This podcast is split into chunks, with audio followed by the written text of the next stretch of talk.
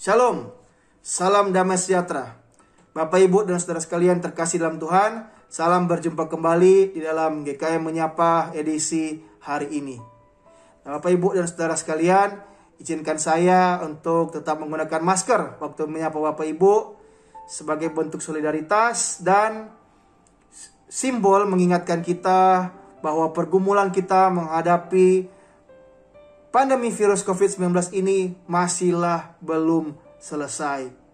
Nah, meskipun demikian Bapak Ibu, di tengah pergumulan kita sekarang, kita juga mendengarkan sebuah kabar baru yang berasal dari negeri-negeri utara. Sebuah kabar yang menggentarkan hati kita. Sebuah berita yang menambah beban pikiran kita. Kabar itu adalah kabar perang antara negara Rusia dan Ukraina. Sejak dari hari Kamis minggu lalu, Presiden Vladimir Putin mendeklarasikan perang terhadap Ukraina. Sampai sekarang ini, konflik antara kedua negara masih terus berlangsung, mengakibatkan banyak sekali kehancuran, kerugian, dan berjatuhan korban dari kedua belah pihak. Bapak, Ibu, dan saudara sekalian, perang ini meskipun mungkin terkesan jauh ya dari negara kita Indonesia, namun perang ini menjadi perhatian bagi hampir seluruh masyarakat di muka bumi ini, termasuk juga kita yang ada di Indonesia. Mengapa demikian, Bapak Ibu?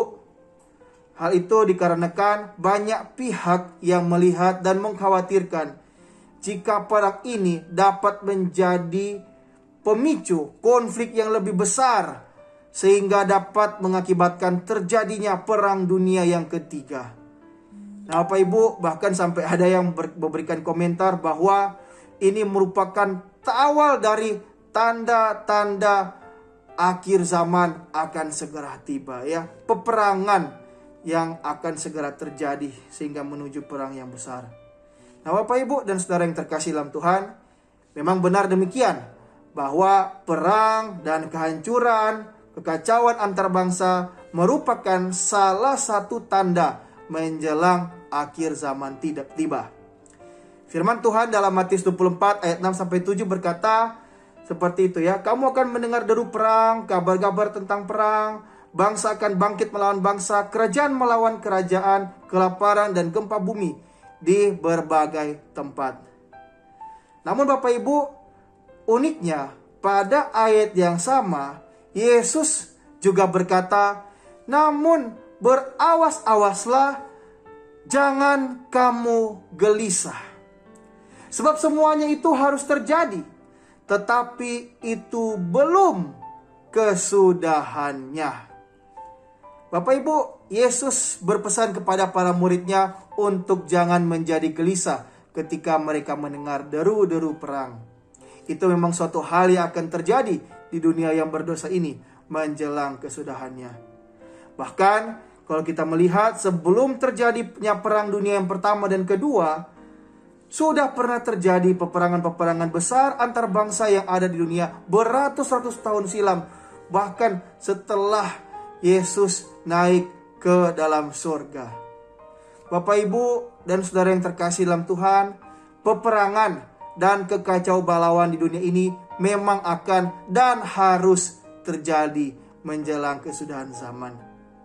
Tetapi apa yang harus menjadi perhatian dan utama para pengikut Kristus di segala abad dan tempat bukanlah sekedar ikut gelisah seperti orang-orang yang dunia ini, melainkan berfokus kepada satu penyelesaian misi yang disediakan yang dipercayakan Tuhan bagi umatnya di dunia ini sebelum akhir zaman itu tiba.